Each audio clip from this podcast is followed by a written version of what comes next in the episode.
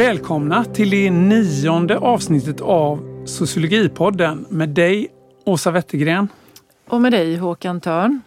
Idag ska vi prata om nationalism. Äntligen! Ja, äntligen! Och det ska vi göra med vår gäst Gabriella Elgenius som är docent i sociologi och forskat väldigt länge i det här ämnet. Och eh, en av hennes senaste publikationer som vi särskilt ska eh, ta upp och diskutera har hon författat tillsammans med Steve Garner och den heter Gatekeeping the Nation. Och den handlar om nationalism i England och eh, hur den förhåller sig till den polska minoriteten och hur den polska minoriteten förhåller sig till den engelska nationalismen. Så det ska vi försöka reda ut. Och där förekommer ju också några andra eh, viktiga begrepp vid sidan av det här begreppet nationalism. Som till exempel, jag tycker det är jättesvåra begrepp så det skulle bli roligt att diskutera. Men det är begrepp som rasifiering och vithet. Ja. Och, men innan vi vänder oss till Gabriella så eh, skulle jag bara vilja ställa en fråga till dig Åsa som jag funderar på sen vi hade eh, ja, det var väl den sjätte podden, då presenterade du eh, Schers bok eh, Entusiasm. Precis. Um, och ja. du... Ja, och då, då, det var en sak som jag tänkte på där som också liksom har koppling till vad vi ska prata om idag. För du mm. pratade om, eller vi diskuterade emotionernas betydelse i politiken. Och jag tänker just att vi kommer att göra det idag när vi pratar med Gabriella om nationalism. För, för åtminstone så som jag tänker, är det något politiskt fenomen som jag associerar med starka emotioner så är det ju nationalism. Det är väldigt mycket flaggviftande, emotionellt laddade symboler, sånger och så vidare. Och vi var ju inne och snuddade eh, vid detta då i det, poddavsnitt 6 där. Och där, jag tyckte du sa något intressant där. Du sa att å ena sidan eh, kan en del emotioner i politiken, till exempel sådana som är kopplade till faktaresistens då, förstås som ett slags obearbetade känslouttryck. Men å andra sidan sa du också att en del av de uttryck som vi brukar sortera under rubriken populism eller nationalism då. Alltså att de kan ses som ett svar på att känslor inte får komma till uttryck i politi politiken. Alltså, mm. förstod jag det rätt där? Hur hänger det ihop? Kan du utveckla det lite bara? Mm, det är en jättebra fråga tycker jag. Eh, man säger ju i allmänhet att populismen då engagerar känslor i politiken. Men i avsnitt 6 så pratade vi då bland annat om utifrån Monique Scheers bok där att eh, eh känslor, politik engagerar alltid känslor fast på olika sätt. Eh, och att vi skiljer då på den här moderna återhållsamma eh, subtila emotionsregimen inom mainstreampolitiken och de karismatiska, entusiastiska uttrycken i sociala rörelser och extrema politiska rörelser. Det var det vi diskuterade i, i liksom förlängningen av Scheers eh, studie av, av de här main, mainline-protestantismen och den karismatiska protestantismen. Då. Och jag tror jag sa att det verkar som att den, den entusiastiska, entusiastiska känslan av övertygelsen, alltså tron på att ett visst påstående är sant, den känslan blir liksom viktigare än fakta som bevisar motsatsen. Eh, och den här karismatiska entusiasmen är ju som vi också diskuterade otroligt härlig. Eh, och det vet vi också från klassisk sociologisk teori och forskning. Ehm, till exempel Emil Durkheim då, som forskade om detta på 1800-talet. Så man tänker att ehm, vi försöker ju återskapa den i andra sammanhang, i de flesta sammanhang idag som är kanske mer legitima att vara entusiastiska då, till exempel i idrotts och sportevenemang eller eller på musikkonserter och så. Men, men även numera då på politiska möten som på något vis förenar de här formaten. Alltså det är både som ett jättestort idrottsevenemang och ett politiskt möte samtidigt så, så får man en mycket starkare liksom, eh, bas för sitt politiska budskap. För att det finns en längtan efter att uppleva den här ja. entusiasmen även inom politiken. Då. Ja, och jag skulle återigen säga då att nationalismen har ju varit särskilt bra på att skapa sån här karismatisk entusiasm. Och apropå sportevenemang så var ju jag på Friends Arena och såg Sverige spela förra veckan. Eh, och det var ju verkligen en uppvisning i Ja, men där nationalism. Är det så, jag kan tänka mig att taket lyfter. ja, det, och det, det är det. ju någonting man upplever som väldigt härligt, eller hur? Alltså man blir ju ja, väldigt medryckt. Man blir medryckt. Mm. Jag är inte nationalist, men jag var på och såg Sverige spela fotboll. Men det är också den kontexten tänker jag, för att i den kontexten får du lov att känna de här känslorna och det är okej okay på något vis för att det handlar om sport då. Ehm, men jag tänker att vi saknar väl lite de här eh, sammanhangen idag. Och jag tänker att det är också det här att man är fysiskt på plats när den här entusiasmen uppstår. Ehm, så att det blir en kroppslig erfarenhet eh, och känsla som också då på något vis bidrar till att det man är entusiastisk tillsammans med andra om, det, det ger en verklighetskänsla och en påtaglighet till det som sägs och görs. Till skillnad då från många mainstream-politiker som uppträder idag som uttryckslösa robotar, för de är så medietränade liksom och så repeterar de bara samma fraser hela tiden och det är ju väldigt motsatt det här entusiastiska då. Mm. Så det korta svaret tänker jag på din fråga är ju att ja, extrema politiska rörelser och faktaresistenta sociala rörelser är nog där är det nog känslouttrycket, den här gemensamma upprymdheten och entusiasmen som är viktigare än övertygelsen i sig. Alltså om den stämmer eller inte då. Känslor gör saker verkliga för oss. Ja.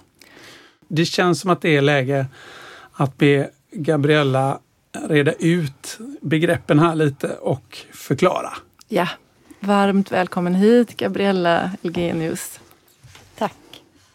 Vi nämnde ju en artikel som du har just, publicerat som vi tyckte var väldigt spännande som handlar om förhållandet mellan vithet och nationalism mm. och där ni som sagt då mm. specifikt diskuterar förhållandet mellan engelsk nationell identitet mm. i förhållande till den polska minoriteten som lever i England. Förklara! Ja, tack. Jo, man kan väl säga så här att vad vi ville göra med den här artikeln var att försöka förstå rasifieringen eh, och då menar jag det här liksom tydliga gränsdragandet och, eh, och idéer om, om, om ras men också vithet i den diskursen vi lever med då med nationell identitet. Och vi har ju kallat den här som du sa Håkan, Gatekeeping the Nation. Och eh, som en funktion, som en grindvaktande, grindvaktande funktion kan man säga. Och det är ju lite motsatt det här då som du nämnde här Åsa om den här entusiasmen man kanske känner vid sportevent eller nationaldagar så här att det här pappret handlar ju om den exkluderande funktionen mm. som nationalismen har. Och just att det här med rasifiering kanske inte har fått den eh, tillräckligt liksom, att vi behöver forska mer om, om rasifieringen. Och jag kan bara säga det innan jag går vidare att när Ethnic and Racial Studies skulle eller, publicera den här artikeln så valde de Första var det en stor grind som var sådär tjusig med lite guld och ledde till ett slott. Och man, jag tänkte så här på det här med gyllene tidsåldern och så vidare. Det är inte lätt att komma in, alla har inte tillträde. Men så valde de också ett stängsel från eh, den så kallade migrationskrisen för 2015 och det är en annan typ av grindvaktnande mm. eller stängsel då. Eller grind, gatekeeping. Så att vad vi ville göra var att betona två saker. Att det finns ett diskursivt samspel mellan majoriteter och minoriteter. Och man argumenterar eh, de här anspråken man gör på nationen, vem som tillhör, vem som inte tillhör, det gör man utifrån kanske ett anspråk som man egentligen inte tänker på. Så nationell identitet handlar om anspråk och det handlar om anspråk för eh, ett ursprung som man har. Det handlar om anspråk att man har rättigheter på grund av det här ursprunget och ofta handlar, handlar det också om en slags föreställning om en etnisk homogenitet. Mm. Och den här etniska homogeniteten sen, den öppnar ju dörren då också för rasifiering, vilka som hör, eh, vilka som hör ihop. Så att vi valde de här kanske rätt trubbiga begreppen då majoriteten, den dominerande kulturen och en minoritet som det kan ju vara egentligen vilken grupp som helst, men i, i förhållande för maktrelationer. Att det här med nationell identitet måste man problematisera, vi måste se komplexiteten i det här så att man förstår att man argumenterar utifrån olika positioner. Mm. Och det var det då vi hade möjlighet att göra eh, i och med att vi har då jobbat i olika projekt, eh, parallella projekt under faktiskt tio år. Så vi, kunde, vi har samlat in information om just och eh, mycket intervjuer och sådär med då två grupper som man kan säga att vi tänker på som vita, vi rasifierar som vita. Den ena är då det som i England kallas the white English och då British Poles, alltså polackerna i, i Storbritannien. Om jag stannar lite där och det är ju många begrepp här som Mycket. Mm, eh, används i de här diskussionerna. Och vi, jag är lite nyfiken på hur ska man skilja på nationell identitet och nationalitet. Jag tänker när jag gick mm. på den här fotbollsmatchen så kände jag så att jag känner ju mig verkligen inte som jag redan har sagt en gång nu som nationalist. Mm. Um, men ändå är jag ju där och hejar på Sverige. Och mm. Samtidigt så tycker jag det är lite roligt när Zlatan inte sjunger nationalsången. Då, då blir jag lite nöjd. Sådär. Så hur ska man tänka kring det? Vad, vad är skillnaden mellan nationalism och nationell identitet? Mm. Vi kanske, får vi gå tillbaka till nationen först? Ja. Då tänker jag så här att så här förhåller sig de här begreppen ihop. Att idén om nationen finns ju väldigt långt tillbaka. Långt innan nationer finns. Och man brukar ju säga så här att 1789, det är då män, liksom folket får komma in i historieskrivningen och det är franska revolutionen vi pratar om då. Eh, att då blir det liksom första idén om en, en modern kultur som på något sätt, eh, det här försiggår ju ofta förstås med urbanisering och industrialisering och så vidare. Men då brukar man säga att det är då vi pratar om den moderna nationen. Så diskursivt, alltså hur vi tänker och talar om nationer, så finns det långt innan nationerna finns. Så som jag ser det, så ser jag liksom att nationalismen kommer först och sen nationen och sen föreställning om nationell identitet. Och men, eh, förlåt att jag mm. avbryter, men jag tänker på... Du pratar om franska revolutionen som en startpunkt till exempel. Mm. Är då de här eh, alltså begreppen som frihet, jämlikhet, broderskap. Ja. Är det en enan, ett exempel på ja. den här diskursiva mm, mm. nationalismen? Mer än så, utan då är det ju det här eh, eh, att då, då börjar vi liksom den här ideologin om nationalism, att det finns ett folk och folket har rätt att eh, styra sig själva, idén om medborgarskap och så vidare och jämlikhet och så vidare. Det har också ihop med detta. Så det börjar ju som en föreställning om en klasslös, jämlik konstruktion. Mm. Eh, och det är det ju inte då. Va? Det är ju alltid liksom när vi, ni, vi nämnde sport innan, jag nämnde nationaldagar. Det är ju alltid en fråga om vem är det som väljer vad och vilken föreställning är det som räknas och så vidare. Men om jag bara får gå tillbaka till nationalism då, som mm. vi inte förklarade mm. ordentligt. Det kan man ju se som en, eh, en ideologi att det finns nationer och bortom de nationerna finns det andra nationer. Det ska, vi ska organiseras i nationer. En politisk rörelse som vi ser med nationsbyggandet i Europa till exempel, men även idag med radikala högerns eh, framfart. Eh, eller Brexit och Trump och vad man nu lägger i det. Man kan också se det som ett språk av symboler och så vidare. Eh, ni, vi pratade här nationaldagar, flaggor, sånger nämnde du Håkan och så. Och sen tänker jag nationell identitet. Och som jag sa då innan, jag ser de här nationella identiteten, det är liksom en följd av det här. Det är anspråk på någon slags likhet, det är anspråk på ursprung. Och de här anspråken gör också, liksom lägger grunden för anspråk till politisk auktoritet, mm. legitimitet och så vidare. Så nationalismen gör också eliten, gör ledarna så vidare. Det finns Men en för... fråga till mm.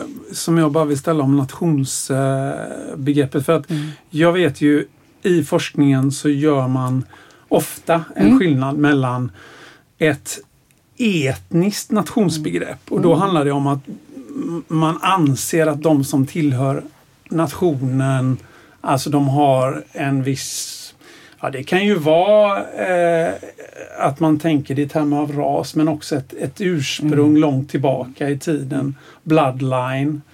Och sen så finns det ett medborgarskapsbegrepp eller ett nationsbegrepp som bygger på medborgarskap. Mm. Där alltså nationen består av medborgare. Och skulle man säga, är det någon av de här två eh, så nationsbegreppen som ger, ger, ger mer eh, närhet till nationalismen som ett politiskt uttryck? Eller skulle du säga att båda de sättet att uppfatta nat nationen kan ge upphov till nationalism? Ja, korta svaret är ja. Men om vi tänker så här, det här är också trubbiga begrepp som vi använder, etnisk nationalism och politisk eller civic eh, nationalism. Om man kallar ja, det, det som jag kallar för medborgarskap. Det som du kallar medborgarskap och det, det grundar ju på det här att man har medborgarskap, då är man tillhörig.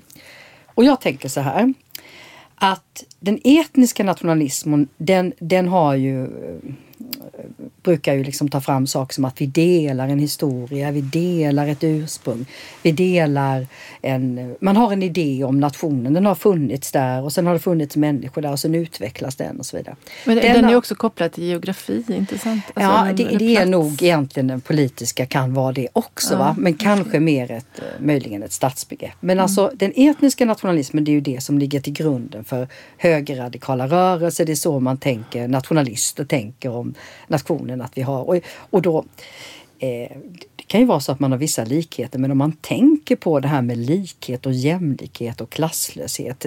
Varför eh, varför liksom gemensamma föreställningar, historia delade liksom en, en kvinna från norr med en man från Stockholm till exempel. Mm. Alltså om man tänker land och stad och socioekonomiska skillnader, region, region mm. eh, i förhållande till nation och så vidare. Men eh, den är oftast rätt auktoritär då. Och det finns ju många historiska resonemang som har liksom pekat ut vissa nationer av etniska. Men jag tror inte att det är så enkelt. Jag tror att det finns en etnisk kärna i den politiska nationalismen också. Den byggs ju runt, upp runt institutioner, medborgarskap, allas lika värde oftast. Eh, liberal nationalism eh, kallas det här ibland. Och då är det ju institutioner, det kan vara utbildningsväsen, det kan vara bankväsen, det kan vara skola, alltså allt det här. Och det vet ju vi, att mm. det finns ju inget med ett utbildningsväsen som inte på något sätt, eh, som, som inte har den här liksom kanske framhävandet av den egna nationen. Jag tänker bara hur man, historiebeskrivning, hur man eh, eh, ja, Ja, om tänker, man ska ta några exempel bara, där. Får jag bara bryta in? Ja. För jag tänker på exempel. Du sa ju så här, jag kunde joina den nationella yran på mm. matchen här nu då. Så sa jag inte Nej, riktigt. Men lite, men... du var i alla fall med där. Och då tänker jag att det ändå är den här eh, för där inkluderas ju alla som så att säga är svenska medborgare och hejar på det svenska laget. Och, och alla är där och inte minst ser man ju det i sportsammanhang också att det, vi har ju väldigt många liksom personer med, med en annan bakgrund som, som representerar Sverige i sportsammanhang och som helt naturligt räknas som, som svenska då, så att säga. Eh, att det är en slags motsvarighet också till, nu kanske jag springer i förväg här, men du pratar ju om brittiskhet kontra vit engelsk nationalism. Att brittisk, brittiskhet, mm. så att mm. säga, att vara brittisk medborgare inkluderar, inkluderar på ett sätt, men, men det, den här kärnan som då nationalister i England försöker utmejsla är att de, den etniska. Den etniska och det är den mm. vita engelska.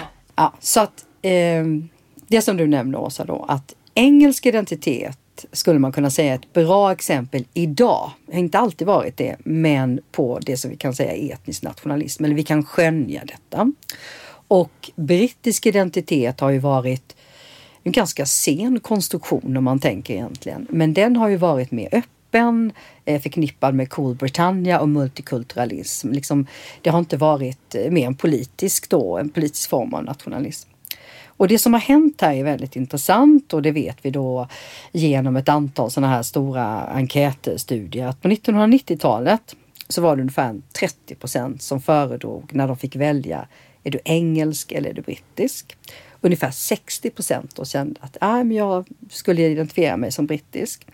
2014 hade detta gått upp till 41 procent som sa att de var e- English då, eller engelsk, föredrog en engelsk identitet. Och 2018 i en annan studie är detta uppe i 84 procent. Så hur kan man då förstå det här?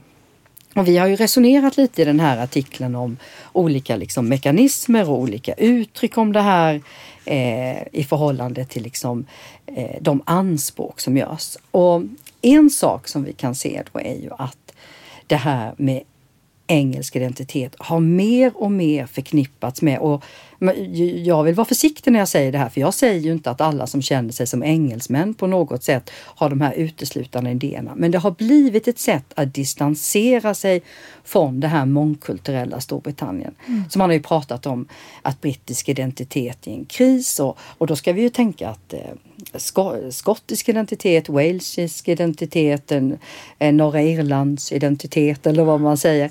De, de har ju redan stigit långt tidigare. Va? Mm. Så att vi ser sådana här saker att eh, alltså de har stigit i enkätundersökningar? Ja, de har gjort det. Att folk känner ja, de har ju långt tidigare. Och brittisk, brittiskhet mm. sås ju som ett liksom en form av intern kolonialisering egentligen. Va? Mm.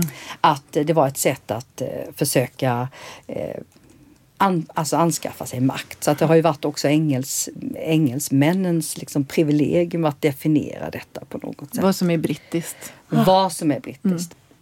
Ja, I er artikel så skriver ni ju att vithet, det är något som är i hög grad förknippat just med den engelska identiteten medan den brittiska identiteten har åtminstone givit utrymme för att inkludera alla de människor som har kommit till England från de länder som England tidigare i historien har koloniserat. Kan man säga så? Ja, så kan man säga. Man kan säga att ett sätt att förklara den här kraftiga ökningen och tillsammans med den här liksom Brexit-kampanjen till exempel har varit just att det finns liksom element i den engelska identiteten som vill distansera sig mot den här multikulturella brittiska identiteten. Och man har pratat om en kris av brittisk identitet. Då. Och jag tänker att eh, Eh, det som man i England kallar eh, British-Asian eh, Minority Ethnic Groups stöder ju liksom, har överväldigande då i, i, någon av de här enkäterna stött då med en brittisk identitet. Så att eh, det är något som har hänt där, va? Eh, absolut. Mm. Och rasifieringen då, den, det är den som... Det, vad, vad, är det för någonting? Det är den som så att säga producerar den här idén om, om vithet. Ja det kan man säga och vad den gör också är ju att den eh, bestämmer ju lite vem som är inne och vem som är ute och då gör detta i liksom den nationella identitetens namn med hänvisning liksom till hudfärg egentligen. Fast ja, det, egentligen, det... det handlar om någonting annat. Ja, det, det är inte alltid mer subtilt än hudfärg egentligen. Och då tänker jag att det, utan det görs på de här grunderna som vi har pratat om innan att man eh, har vissa rättigheter på grund av ett visst ursprung. Och eh, man, eh, man där, alltså, gör anspråk till vissa privilegium som man har rätt till för man har förtjänat dem. Och då blir det så att vissa grupper då som inte har förtjänat de här rättigheterna liksom hålls ute. Och då i den här studien blir det väldigt intressant att se på det som då vi kallar diskursen hos alla de som vi har intervjuat som då eh, räknar sig som engels, engelska eller white english som det kallas på engelska och polacker då va, i Storbritannien. Kan du förklara det begreppet diskurs mm. bara? Och, och, jag tänker också, tidigare har du varit inne på grindvaktande och det hänger ju ihop mm. lite. Ja, det gör så, det. Så förklara lite. Så diskursen då kan man väl säga att det är sättet på vilket vi tänker och talar om nationen. Så jag tänker att det här är liksom ganska vanliga föreställningar om att det finns en likhet trots alla ojämlikheter och, och, och skillnader som finns eh, hos den nationella, liksom, hos en nationell befolkning. Det är liksom en föreställd gemenskap. Men, och det föreställs som en gemenskap där man är lojal, där man gör saker ihop och så vidare. Men meningen här är då att eh, vi ser liksom vissa anspråk som görs om vem som tillhör och då mm. en minoritet får liksom försöka att eh, komma in i den här hierarkin på något mm. och göra liksom motanspråk. Så det, det, handlar också om, tänker jag, att um, det här grindvaktandet som du pratade om förut, mm. att ni hade en grind som tanke på mm. omslaget på, på eller ja, till artikeln kanske? Eller ja, det, var, det, var, det, var en, det var något annat sammanhang. Ja. Men jag tänker att det, det intressanta här är väl att just för att vi pratar om sätt att tala om och sätt mm. att göra så att säga nationen så handlar det om att också, det handlar om anspråk som du säger. Men det handlar också om, alltså på rättigheter, men det handlar också om symboler. Att kunna liksom hantera en viss typ av symboler. Att föra sig med en viss typ av, av symboler som gör att man markeras som inne eller ute. Eller skulle du hålla med om det? Ja, vad vi såg i det här materialet då, eh, då är det vissa anspråk till vissa rättigheter. Och eh, man kan ju se att eh, det handlar om naturligtvis hur man ser ut, men det handlar också liksom om att man har varit här, en föreställning, att man har varit här längre, att man, känner, att man liksom har en rättighet till mm. den nationella identiteten, man har en rättighet till resurser och så vidare. Och det ser vi på många olika sätt i, det här materialet om hur hur liksom det här diskuteras då. Mm. Vilka som är inne, vilka som är ute. Mm. Och eh, vad vi också ser är att eh, det gäller till exempel rättigheter som vi har sagt och eh, ursprung och homogenitet och så vidare. Så att eh, de som är britter då kan, det är någon, någon säger vid något tillfälle the non-British that will never be British. Mm. Det finns en idé om att man ska se ut på ett visst sätt. Och då kommer eh, polackerna i Stor, ja. Storbritannien då till exempel. Och de möts av den här muren eller mm. eh, grinden om mm. man säger. Så då, då blir det liksom olika resurser kan man säga som man använder och det är i detta sammanhanget vitheten blir en resurs som man måste förstå Eh, att, eh, och sen naturligtvis också lojalitet i det förflutna. Så att just det här med eh, nationalism i, diasporan och att gå tillbaka till det förflutna, visa lojalitet med Storbritannien och sådär. Det ser man då i ett antal liksom sådana här diasporaaktiviteter till mm. exempel. Mm. Men, men mm. förklara, för jag tänker i artikeln tar ni upp en del konkreta exempel på vad polackerna så att säga, gör mm. anspråk på för att få vara med i den mm. Eh, engelska identiteten på något vis eller få, få mer access så att säga. Mm. Och eh, ja, vad man gör anspråk på det är ju den här delade historien. Mm. Man gör anspråk på att man har varit lojal i andra världskriget, man har offrat mycket. Det här är liksom viktiga teman i... Mm. Eh, eh vi ser kampanjer för liksom recognize eh, the The Polish Pilots. Mm. Eh, vi ser... Eh, De polska stridspiloterna. Då. Precis. Mm. Donera Polish Blood mm. till eh, sjukvården till mm. exempel. Mm. Det är väldigt mycket sånt här. Men vi ser också andra saker som handlar om rent eh, statushöjande. Va? Mm. Eh, enorm, eh, alltså enormt många organisationer som växer fram för att liksom med differentiering inom gruppen för olika professionella grupper till exempel. Det har funnits enormt många kampanjer innan Brexit ska vi säga eh, om eh, just att eh, visa på hur mycket polackerna betalar i skatt. Alltså det handlar mm. om erkännande mm. egentligen kan mm. vi säga. Mm. mm. Men det är ju väldigt intressant också det här. Det finns en slags logik som ni beskriver här. Och att, och för det första så är den engelska nationalismen det är den dominerande diskursen ja, om nationen. Mm. Och där visar det ju sig att det finns grader i vitheten. Ja, det är så precis det. Polackerna blir då utifrån den dominerande diskursens perspektiv en andra klassens vithet kan man säga. Mm. Och där så svarar åtminstone en del, en del av dem som ni har intervjuat i den polska minoriteten genom att i sin tur peka på andra grupper som är så att säga, mindre vita än de själva då. Som de menar att vi är minsann berättigade. Eh, det är snarare andra som inte är berättigade. Ja. Två saker där. Vi ska då vi ska liksom knyta det här till engelsk identitet och brittiskhet för så är det ju så här liksom att ja visst säger intervjuer. Ja visst, de kanske de kan bli britter men de kan aldrig bli engelsmän till exempel. Mm. Eh, där finns det någon, någon liksom stor grind som då är lite osynlig. Och punkt två där är ju eh, just det här att rasism föder rasism. Så att majoriteten lägger grundreglerna. Finns det sådana här liksom rasifierade logiker och vem som tillhör och inte så, för, så, så ser vi då i vårt material att en minoritet, och här handlar det ju om position och relation, inte om en specifik grupp. Att man försöker förhandla sig in i den eh, hierarki som finns för att eh, Ja, för att man känner att man tillhör och då blir det ju liksom den egna gruppens relation med andra personer eller andra grupper eh, där liksom samma logiker då fortsätter. Mm. Så att rasism föder rasism och vad vi ser är de här erfarenheterna av diskriminering och rasism de eh, fortsätter ju det på arbetsmarknaden och på vad heter det, i, liksom i olika sammanhang. Och ger liksom upp till vad man kan kalla en diskursiv strategi. Så vithet i det här sammanhanget blir en strategi där man kan förhandla och liksom elevera eller förhöja sin egen grupp. Okej. Okay. Du Gabriella, varför är det här så viktigt att forska om?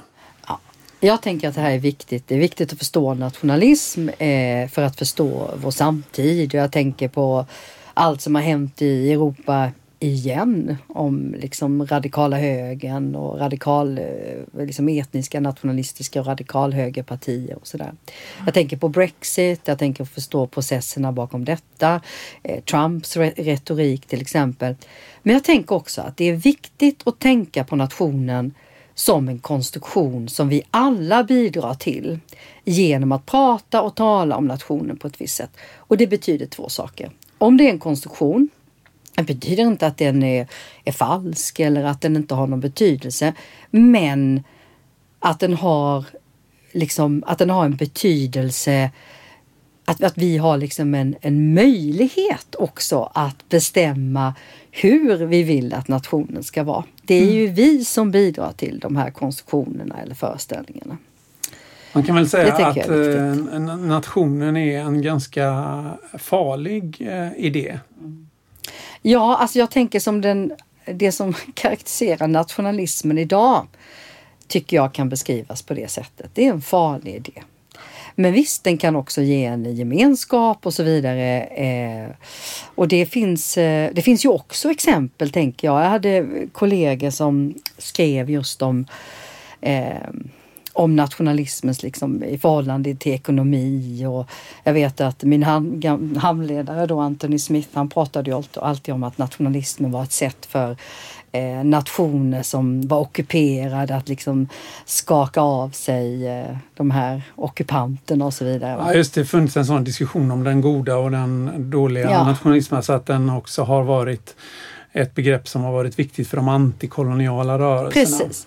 Jag tänker så här att nationalism, jag tror inte det är så stor, eh, alltså jag tänker att det inte är så viktigt att skilja mellan god och, och ond nationalism. Nej, jag tänker att inte. om vi förstår det här bara som en föreställning, en konstruktion som vi bidrar till så har vi också möjlighet att bestämma vad vi bidrar med. Vi har möjlighet att problematisera, se komplexiteten och ser vi komplexiteten av oss då kanske komplexiteten i det som definieras som andra eller de som inte tillhör behöver vara en sån exklusiv liksom gräns. Jag tänker att den här konstruktionen av likhet och eh, identitet den är, det är ju det som ligger till grund för de här, vad vi kan säga, antimigrationsinramning mm. som radikala högern är känd för. Där man då där de här liksom anspråken egentligen har övergått till anklagelser av mm. människor som ser annorlunda ut. Men där kan man då säga eh, sammanfattningsvis att nationalism inte nödvändigtvis behöver bygga på den här föreställningen om,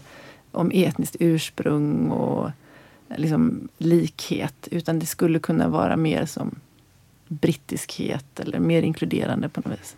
Eller? Det finns ju, eh, tänker jag, ett antal eh, stater eller nationer som har en mer sån mm. ingång. Mm. Kanada ges ju som ett exempel där. Mm. Till exempel. Men å andra sidan å då som du själv sidan. har sagt att Frankrike brukar ju nämnas som ett exempel på politisk nationalism ja. där man har eh, som är inkluderande och samtidigt då tittar man på hur den franska nationen skapades. Mm. Hur man eh, eh förbjöd eh, språk som, eh, som inte var, alltså för att etablera franskan som national språk så fick man inte Exakt. tala britanniska ja. eh, i det offentliga Nej. rummet till exempel. Nej, det var ju en del av standardiseringen där. Mm. Men jag tänker att eh, nationalism handlar om vems föreställning ska det handla om? Mm. Vilka är de här eliterna som bestämmer? Och det vet vi till exempel om vi kanske slutar lite där vi började, vi pratade om nationaldagar. Så där. Vi vet ju att till exempel kvinnor, arbetarklass, minoriteter har aldrig riktigt fått ta del av det där liksom nationella rummet Mm. med firandet. Det har ju ändrats nu Mm. eh, på många ställen men eh,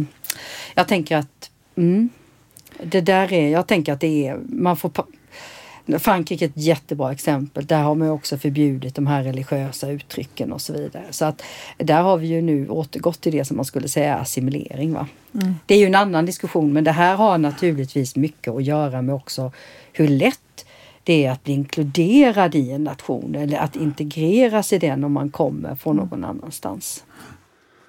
Ja, vi brukar ju också be våra gäster komma med ett boktips. Ja. Har du funderat på något? Nu har vi ju tittat utåt och vi har pratat om eh, engelsk och brittisk identitet. ehm, Och jag tänkte då att det kunde vara lämpligt med två ehm, tips. Eh, två författare, Elin Anna Labba och Ann-Helén Lastadius som har fått, fick eh, Augustpriset 2020 och 2021. Och eh, Labbas bok heter Herrarna satte oss hit och Ann-Heléns Lastadius bok heter Stöld. Och de här är ju, det är två böcker som har fått eh, Augustpriset eh, nyligen som handlade om samernas historia.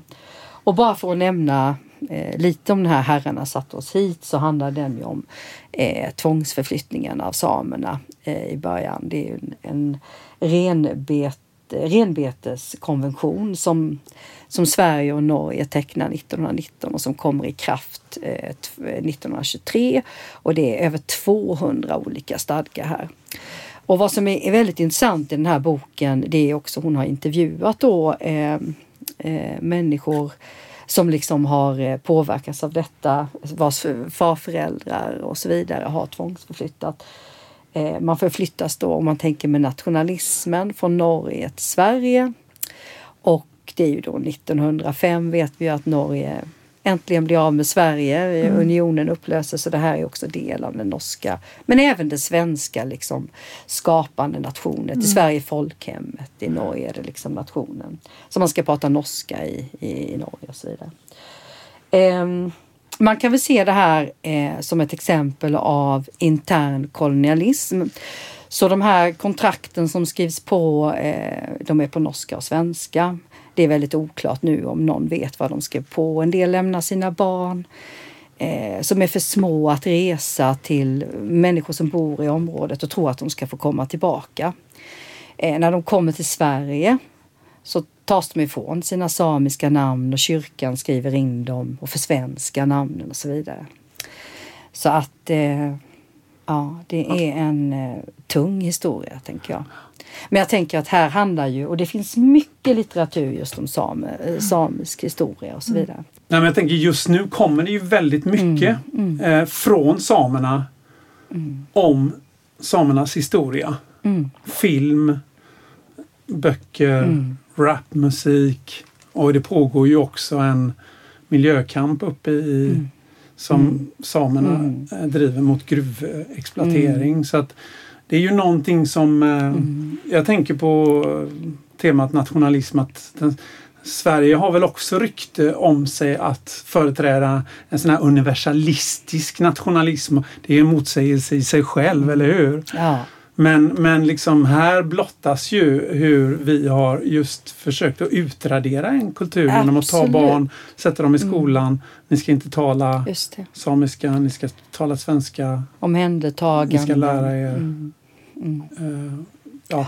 Och jag tänker också att det här hör ju samman också i en, en lång process.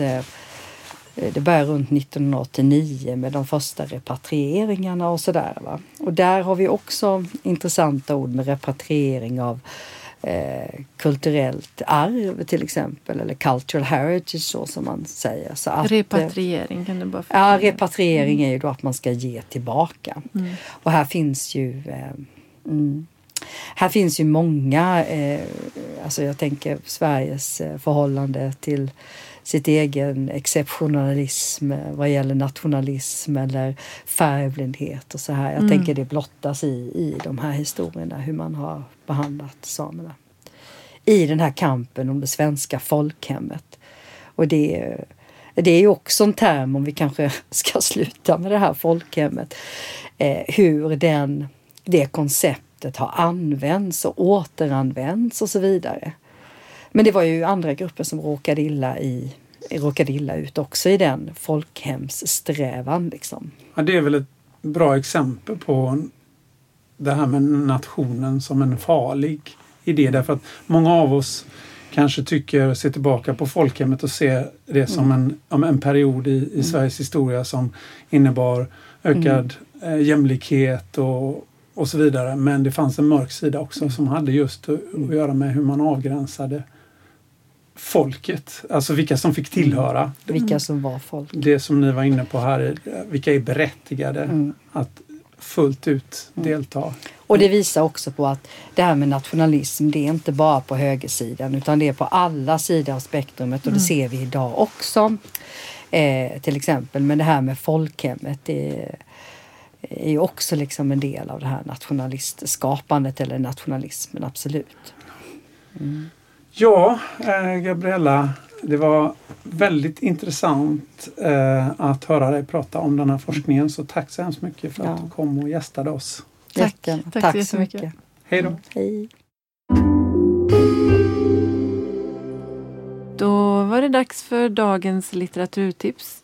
Och idag är det din tur att presentera en bok, Håkan. Ja. Vad har du valt? Jag har valt en bok som heter Den föreställda gemenskapen med undertiteln Reflektioner kring nationalismens ursprung och spridning. Den publicerades första gången 1983 och kom i svensk översättning år eh, 2000. Vem är då Benedict Andersson? Eh, ja, alltså han eh, gick faktiskt bort 2015. Eh, han var statsvetare Eh, professor i internationella studier då mer specifikt vid Cornell University i USA. Och eh, hans bakgrund är ju, tycker jag, särskilt intressant med tanke på att han just skrivit en modern klassiker om nationalism. För han kom från en irländsk engelsk familj, föddes i Kunming i Kina 1936 och när han var fem år flyttade hans familj till USA. Så han måste ha sett och känt av en del och funderat ganska mycket över det här med nationell identitet då? Ja, det måste han ju ha gjort. Har du något eh, citat som du vill börja med? Ja, det har jag. Eh, och det kommer här.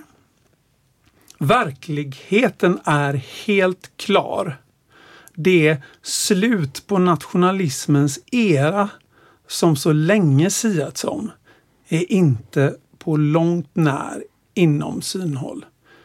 I själva verket är nationligheten det mest universella legitima värdet i vår tids politiska liv.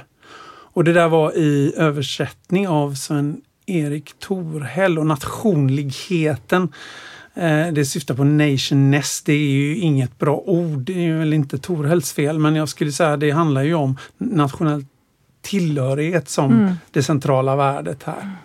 Lite kanske också det här vi pratade om nu med Gabriella om nationell identitet och så. Ja. Eh, så varför valde du detta citatet? Håkan? Jo, eh, i och för sig då så skulle väl ingen invända mot det här. Liksom att Nej, nationalismens era är verkligen inte slut. Men det faktum att han säger det i början på 80-talet. Mm. För då var det väldigt många som menade att nationalismen i princip var ett historiskt fenomen som sakta men säkert höll på att tyna bort allt eftersom världen då blev allt mer och mer global. Och man tänkte sig att det här med nationsgränserna skulle suddas ut och man skulle blandas mer och så. Precis. Mm. Men vad menar då Andersson med det här begreppet? Det togs upp också, eller nämndes av Gabriella, den föreställda gemenskapen. Ja, titeln på boken där. Imagined community är det på engelska då. Mm. Alltså, han menar ju att eh, Föreställda gemenskaper, det är de gemenskaper som inte främst bygger på kontakter ansikte mot ansikte. Alltså alla gemenskaper som vi räknar, som vi räknar oss som en del av och som inkluderar människor som vi faktiskt aldrig har träffat.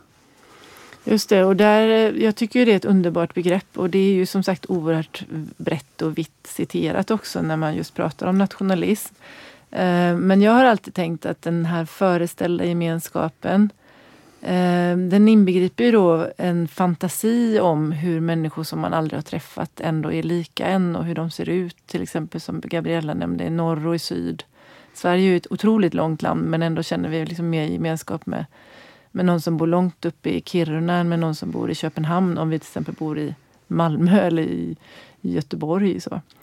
Eh, så kräver det inte väldigt mycket fantasi och också då en viss emotionell dimension på det här begreppet, den föreställda gemenskapen. Absolut, det var det vi var inne på förut. Och, mm. Man kan ju säga så här att, att nationen som Gabriella underströk flera gånger, det är ju en konstruktion. Men den är inte mindre verklig för det. Och för att den ska bli verklig, den blir verklig genom att iscensättas. Mm. Alltså, eh, det var ju det som faktiskt som fascismen och national, eh, nationalsocialismen var så oerhört mm. skickliga på. Att iscensätta nationer, alltså de här Nürnbergdagarna med de här stora marscherna och så. Och idag, du har ju nämnt alltså fotbollsmatcher, alltså landskamp på Friends Arena. Alltså, alltså det är ju här iscensättningar av nationen. Eh, och som kanske också inbegriper den här upprymdheten som vi pratar ja, om. Ja, självklart mm. alltså. Det är ju, så att jag menar, eh, återigen då, individer som vi aldrig har träffat. Eh, det är ju faktiskt de som är eh, nationen förutom eh, jag själv och du då, i den mån vi nu mm. identifierar oss med mm. den svenska nationen. Men liksom, det är också då den här väldigt viktiga känslan av att känna sig som en del av ett större kollektivt sammanhang. Och här, här gör ju Andersson också en väldigt intressant koppling till religionen. Eh, det här att känna sig som en del av något större. Det är också, alltså, nationalismen är därmed också meningsskapande. Va? Mm. Alltså, så att, han menar ju att världsreligionerna är historiskt sett så är de de ursprungliga föreställda gemenskaperna. Alltså så mm. Det var ju också fråga om att man identifierade sig med en, en religiös gemenskap som, som inkluderar människor som, spänn, alltså, som bodde eh, långt utspridda över kontinenter. Mm. Och, och som man aldrig hade träffat. Nej, precis. Och eh, så Anderson menar ju då att nationalismen i grunden så imiterar nationalismen eh, religionen faktiskt. Mm. Samtidigt som nationalismen representerar en slags sekularisering då. Eh, de, de, den, den eh, så säga, plockar ju ner Gud från mm. tronen och sätter folket på, på tronen. Och det var ju där som Gabriella tryckte ju faktiskt på den franska eh, revolutionen där som en av de händelserna, i flera revolutioner där i slutet på 1700-talet i Amerika och, och, och, Haiti och så vidare. Men där, där, där folket, som mm. den, alltså den moderna idén om det nationella folket föds ju där.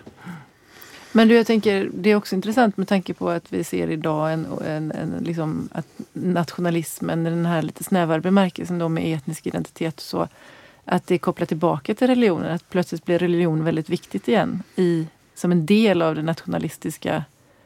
Eh. Ja, jo men det är ju väldigt intressant och det, och det är också, alltså det är inte svårt att göra kopplingen då för att Andersson betonar just det då, kontinuiteten återigen då, att, att alltså nationalismen faktiskt då eh, den är starkare än de politiska ideologierna mm. menar han mm. eftersom eh, den kan svara på sådana här existentiella frågor mm. som vem är jag? Varifrån kommer jag? Vad är mitt ursprung? Vilket större sammanhang sammanhang ingår jag i? Vad är meningen med mitt liv? Mm, mm. och det, är liksom, det här är ju nationalismens narrativ och nationalismens berättelse. Det finns ett dimmigt men ärorikt förflutet. Det finns ett historiskt öde och det finns en framtid av återupprättelse. Det är väldigt mm. viktigt den här idén om återupprättelse. Då kan man ju faktiskt tänka på den alltså kristna återuppståndelsen då. Men, men gäller den återupprättelsen, det gäller ju då inte nödvändigtvis det, det enskilda subjektet, alltså mig. Det, kan, det gäller den grupp jag identifierar mig med, alltså som ja, går utöver mig själv. Det men du oss. får ju den. Jag får den genom, genom att dem. vara en Precis. del, att identifiera dig med det här kollektivet så blir du förlöst. Och, och det kanske får... också är en skön grej att slippa vara Alltså att se sig själv som en del av ett större kollektiv så att det inte är jag som är viktig utan det är vi som är viktiga. Exakt. Så det, där är det ju eh, återigen, man kan ju se den, eh, den nationalistiska eh, eh, vad ska man säga, på nyttfödelsen kanske är dumt att säga med tanke på det citatet som jag, jag just eh, läste ur Anderssons bok att nationalismen har varit med oss. Men vi ser ju ett väldigt uppsving för nationalismen. Mm. Och eh, det är en reaktion på väldigt många saker, alltså ojämlikhet, individualisering. Mm. Eh, eh, Ökande klyftor mellan ja, människor. Ja, ja. Men, men eh, i vilket fall som helst, jag tycker att eh, Anderson gör en väldigt bra poäng där apropå det här hur stark nationalism, vilken kraft den bär på. Eh, för, han, för han säger att eh, väldigt få har varit villiga att dö för politiska ideologier som liberalismen, konservatismen eller marxismen för den delen. Men väldigt många är beredda att dö för nationen. Mm. Eh, och, och, och det, det tycker jag det är en sån nästan one-liner hos honom som har fastnat hos mig i alla fall sedan första gången jag läste boken. Det är klart att relativt många har varit beredda att dö för nationen och det ser vi ju idag också för det aktualiseras ju av det här kriget i Ukraina nu då. Att, att plötsligt så blir frågor om patriotism viktiga i, i våra bästa dags, dagstidningar. Eh, så, men, men en sak som jag ändå tänkte på när du sa det här. Folk har ju faktiskt också dött för marxismen. Eller för arbetarrörelsen. Jo, Absolut, så där, det kanske man får modifiera den mm. Eh, utsagan. Mm. Men han har ju någon, någon poäng ändå på något sätt i att det finns någon slags emotionell kraft i mm nationalismen som, som man kan säga så här då, vid väldigt få tillfällen har uppstått inom andra typer av politiska ideologier. Mm. Jag menar, mm. jag håller med dig. Alltså att, Nej men eh, helt klart att det, att det, och det är ju också en kraft som kommer tillbaka och kommer tillbaka och idag är det mycket mer legitimt än på 80-talet att prata i nationalistiska termer så att säga. Mm. Ja, jag tänker ju återigen på Monique Scheers bok om entusiasm och, och då är ju såklart frågan, eh, menar Andersson att nationalismen är ett emotionellt och ideologiskt fenomen? Ja, det är det, men han blir ofta missförstådd som om han menar att det bara var det. Eh, I själva verket så upptar den här boken, eller en ganska stor del av boken, handlar om eh, nationalismens materiella förankring. Mm. Eh, och eh, och det, det, skulle jag säga är styrkan, en av styrkorna i hans bok. Eh, alltså ser man historiskt då så kan man säga att eh, för det första då så fyller ju nationalismen ett slags ideologiskt tomrum. Där, där är den ideologiska aspekten som uppstår då när 1700-talsrevolutionen eh, river ner det som är kvar av den gamla ordningens maktstruktur. Och hur den maktstrukturen då legitimeras med hänvisning till eh, religion, en högre makt helt mm. enkelt. Där kommer nationalismen in då. Mm. Eh, han skriver att det börjar dyka upp i lexikon under sent 1800-tal. Alltså det är ju precis vid tidpunkten för den moderna nationalstatens födelse då med alla mm. de här institutionerna som Gabriella var inne på också. Att man mm. har plötsligt en nationell skolväsende där det finns ett nationellt språk. Man får nationella arméer. Mm. Alltså tidigare i historien så hyrde ju de europeiska kungarna, om vi nu håller oss till Europa, in eh, legosoldater. Mm. Alltså det här med att dö för nationen, det är en sen historisk eh, eh, eh, eh, företeelse faktiskt. Och kanske också framförallt att man ska vilja göra det helt frivilligt och inte för att man är tvungen till det som många av bönderna var då ja, förr i tiden. Nej, nu har ju, man får ju säga den allmänna värnplikten har ju eh, ett stort element av tvång. Jo, men, jo, men, men, samtidigt så är det väl, Man menar, ska brinna för sitt, sin nation. Och... Jo, det pratas ju väldigt mycket om för, alltså det som hände innan första världskriget när Eh, den andra internationalen försökte få alla arbetare att ena sig mot kapitalisterna istället för att gå ut i krig mot varandra. Mm. Och det slaget förlorade man ju och det pratas ju väldigt mycket om den nationalistiska yran som spred mm. sig i alla samhällsklasser då. Mm, mm. Eh, men eh, han kopplar också eh, nationalismen till kolonialismen och kapitalismens eh, framväxt. Så den är definitivt kopplad till maktutövning. Eh, och han kritiserar faktiskt all tidigare forskning om nationalismen eh, för att den hävdar att nationalismen uppstod i Europa. Han menar det gjorde den inte. Den uppstod i Latinamerika. Den var från början ett antikolonialt fenomen. Alltså så att den miljö där nationalismen uppstod, det var alla de självständiga stater som, uppropar, eh, förlåt, som utropades mm. av de nationella revolutionerna i Latinamerika under tidigt 1800-tal. Då. Och de, de här eh, alltså, geografiska områdena, territorierna som blev då nationalstater, de hade ju tidigare varit spanska politiskt administrativa territorier som också gjorde eller som också hade utgjort självständiga ekonomiska områden. Och här, här finns också en klassanalys hos, hos Anderson, alltså de som ledde de nationalistiska rörelserna då i Latinamerika, det var en medelklass eh, som hade yrken som var knutna just till eh, den koloniala administrationen eller ekonomin då. Så att man kan säga så att nationalismen föddes som en skapelse av kolonialmakten Spanien, alltså en, en kan man säga en oavsiktlig skapelse. Eh, man skapar de här territorierna eh, och den här klassen som eh, arbetade på territorierna och de vände sig mot kolonialmakten och slängde ut spanjorerna. Och sen, sen hände ju samma sak i hela världen.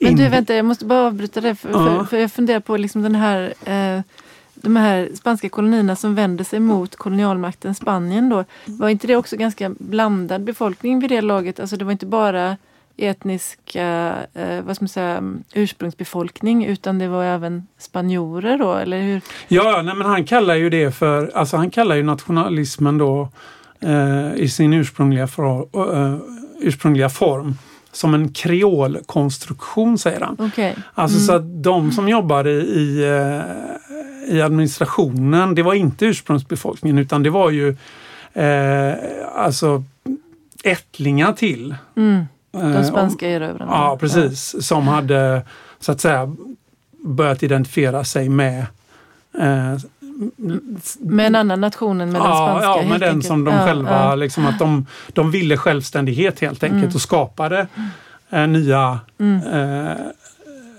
nationer. Då. Mm. Eh, men sen hände ju detta i, i, över hela världen i den mm. antikoloniala kampen. Till exempel Indien då, där var, för att ta ett exempel, så var ju Gandhi utbildad advokat i England. Mm.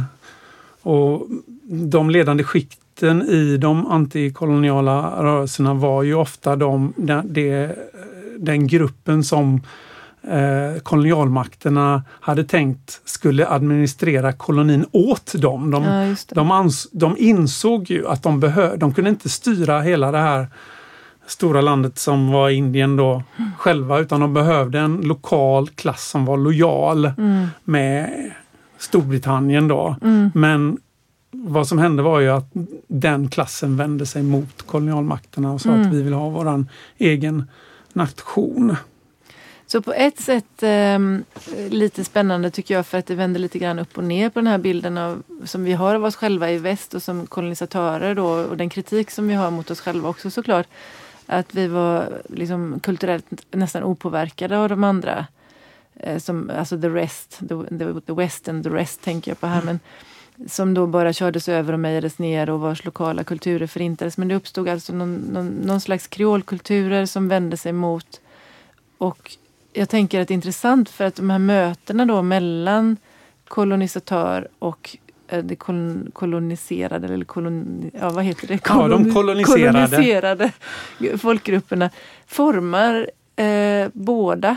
Alltså även om det är ett ojämlikt möte så, så, så är man inte utan liksom det, det har konsekvenser för båda. Ja, Nej, men man skulle faktiskt kunna säga att vad som händer är ju liksom att kolonialmakterna koopterar den här de antikoloniala rörelsernas nationalism och så mm. skapar de någonting som Benedict Andersson kallar för officiell nationalism. Just det. Och det är ju det då som sen eh, som vi har pratat om här idag med Frankrike och för den delen Sverige som skapar eh, en rad institutioner som ska eh, etablera det svenska språket, det franska språket mm. eh, ja, och så vidare. Som, så det är liksom en det börjar som en underifrån kommande rörelse och koopteras och blir till en statlig strategi för att disciplinera den egna befolkningen kan man säga. Men det är också intressant tänker jag för att i och med att det är kolonialmakterna då vi pratar om här så, så är det också en slags nationalism som i alla fall potentiellt inkluderar de här koloni, kolon, koloniernas invånare om de nu vill flytta till Frankrike eller till Storbritannien eller så.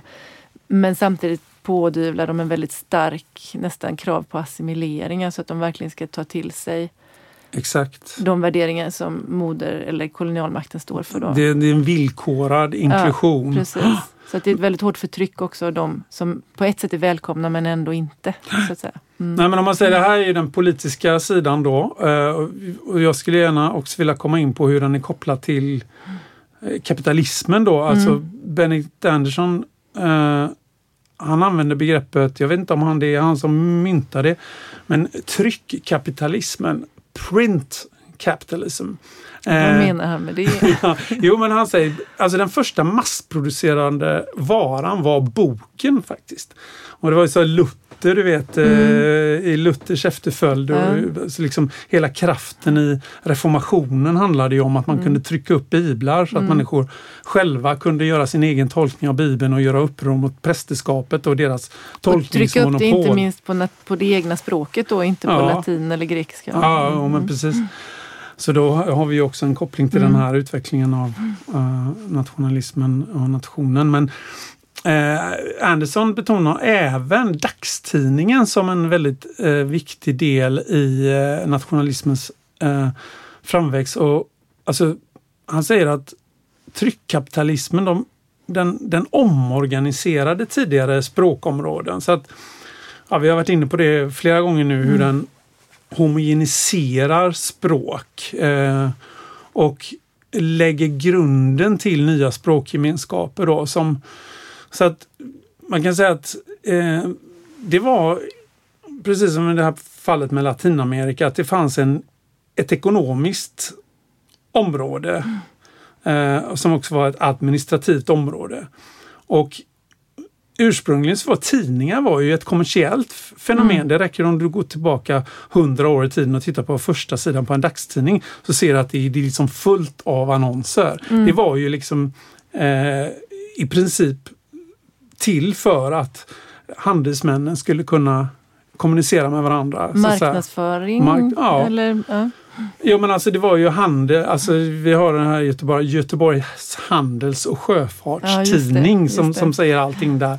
Eh, och så att där uppstår liksom behovet för dagstidningen uppstår mm. ur kapitalismen kan man säga. Mm. Eh, men, när man, men så fyllde man ju också ut det med nyheter då. Mm. Och eh, så Andersson menar att när vi läser en, en, en, tidning, en dagstidning, så skapar det också en känsla av ett rum. För det blir nationella nyheter då också? Ja, precis. Alltså man, mm. läser, ju, man läser tidningen på svenska så är det mm. det svenska språkområdet. Och man, och man får den här känslan också av samtidighet, för dagstidningen är ju, den är ju nu, idag. Mm. mm. Och då, alltså, så jag får en känsla av att jag är en del av en språklig kulturell gemenskap där många människor precis i detta nu på många platser men i ett bestämt rum, mm. det vill säga nationens rum, delar en erfarenhet av världen. Och, och eh, Benedikt Andersson eh, citerar ju filosofen Hegel som eh, har sagt att tidningsläsandet i det moderna samhället har ersatt morgonbönen. Det där är kopplingen Spännande. till eh, religionen igen då. Mm. Och sen så, kom, så menar han ju att det där är bara början. Alltså nationalismens höjdpunkt, det kommer ju med de, när massmedierna exploderar på 1900-talet med radion, tvn. Mm. Alltså fick man bara tänka på Hylands hörna här. eh, Liksom på 60-talet i Sverige. Aldrig tidigare hade så många människor samlats samtidigt eh, kring någonting eh, där man upplevde sig vara en nationell gemenskap. Mm. Eh, bara flika in här också, jag tänker när du pratar om ett gemensamt rum. Det var ju också det här någon gång eh, på 1900-talet som tiden anpassades så att vi fick samma tid överallt i Sverige. För det hade vi inte innan och det, Nej, precis, det det skedde ju också- globalt också. Men, Det är också en men att det faktiskt händer nu samtidigt i hela, inom den här nationens gränser så att säga. Eh, ja, och när du pratar om tv och massmedia och så, då tänker jag på en bok som jag gärna vill nämna i sammanhanget på svenska då, om man nu ska prata om språkgemenskap. Eh, det är ju En Frykman och Lövgrens fantastiska bok som heter Försvenskningen av Sverige som på ett väldigt eh, eh, roligt skulle jag säga men också otroligt eh, beläst eh, och omfattande sätt tar upp alla olika strömningar som har bidragit till att bygga den svenska nationen. Och det mest spännande där som jag kommer ihåg när jag läste den, det var att runt den här nationalistiska yran där i sekelskiftet 18-1900 så, så var svenskar i allmänhet ganska dåliga nationalister. De kände sig inte alls speciellt gemen, alltså de kände inte den här svenska gemenskapen så det var någonting, var någonting som man fick jobba på väldigt hårt från elitens håll. Och sen när massmedia kom till exempel radio så var det då, och jag kommer också ihåg en bild av att det var någon kapten som jag inte kommer ihåg vad han heter nu, men han hade morgongymnastik varje morgon på radion. Och då fick de då, då stod alltså, enligt en Frykman och Lövgren då, så stod hela svenska folket, och i alla fall alla som hade en radio, upp klockan åtta på morgonen och gjorde det här gymnastikprogrammet. Jag tycker Okej. det är en fin bild av hur nationen förkroppsligas också. Ja. Och vi gör det här samtidigt, vi gör det här nu och vi gör det med våra kroppar så att säga. Ja men precis. Så att eh, jag tycker ju att eh, det finns ju många böcker om nationalism. men Det här är min favorit. Ja, Håkan, det är jätteintressant, men nu är det dags att dra ett streck. Och innan vi går vidare så vill jag bara eh, uppmärksamma poddens lyssnare på att vi har det här bonusavsnittet nummer åtta som eh, vi faktiskt spelade in på sociologidagarna för ett par veckor sedan. Och sociologidagarna är då eh, Sociologförbundets konferens. Och där hade vi ett panelsamtal om pandemin och sociologin tillsammans med Roland Paulsen, Maria Törnqvist och Shai Mulinari. Så lyssna gärna på det avsnittet för det har kommit ut innan detta avsnitt som nu är ju då nummer nio. Ja, och sen kommer det jubileum nummer tio och då om inget oförutsett inträffar så kommer det att handla om det nya klassamhället tillsammans med Thomas Berglund och Johan Alfonsson, sociologer som har studerat detta. Hej då! Hej då!